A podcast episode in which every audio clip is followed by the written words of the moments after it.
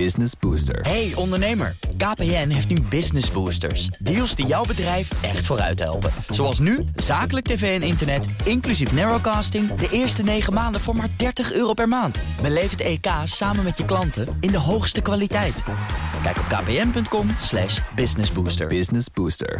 De column van Bernard Hammelburg.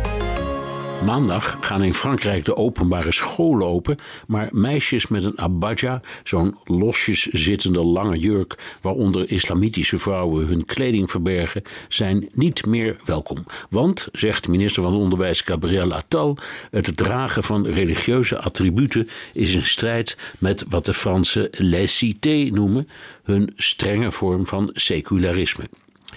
Laïcité is geen nieuw rechtsbeginsel. Het dateert uit de tijd van de verlichting, die zich vooral verzette tegen de dominantie van de rooms-katholieke kerk.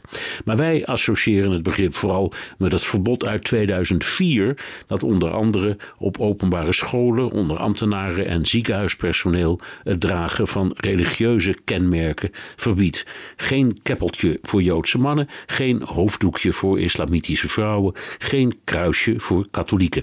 Er was en is nog steeds veel over te doen, maar een grote meerderheid van de Fransen heeft een diepe afkeer van religieuze paraphernalia. Hoe zit het dan met de kerstboom? Dat kun je moeilijk een joods of islamitisch symbool noemen. Het woord zegt het al. In het Frans heet een kerstboom een sapin de Noël.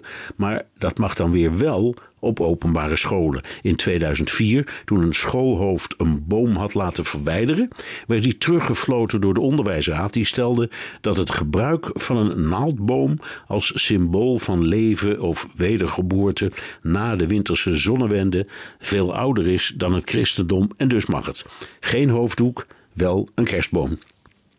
In Amerika is de kerstboom ook onderwerp van discussie. In New York zie je op openbare scholen zelden een kerstboom. En als die er wel is, staat er altijd een achtarmige kandelaar naast die onderdeel is van het Joodse Chanukka-feest. De moslims vallen buiten de boot, hoewel ook zij midwinterfeesten kennen. De kerstboom mag trouwens wel. In 1989 vonnisde het Amerikaanse Hoge Rechtshof, net als de Franse overheid, dat de kerstboom een heidens symbool is, hoewel ook daar een boom een Christmas tree heet. Er klopt dus geen kerstbal van. De Sovjet-Unie, die het staatsatheïsme had ingevoerd, ontmoedigde elke vorm van godsdienst, hoewel er formeel geen verbod bestond. De burgers vonden er iets op. Onder de tsaren hadden ze een kerstboom, maar in de Sovjet-tijd verdween kerst vrijwel geheel uit het openbare leven en noemden ze de kerstboom een nieuwjaarsboom.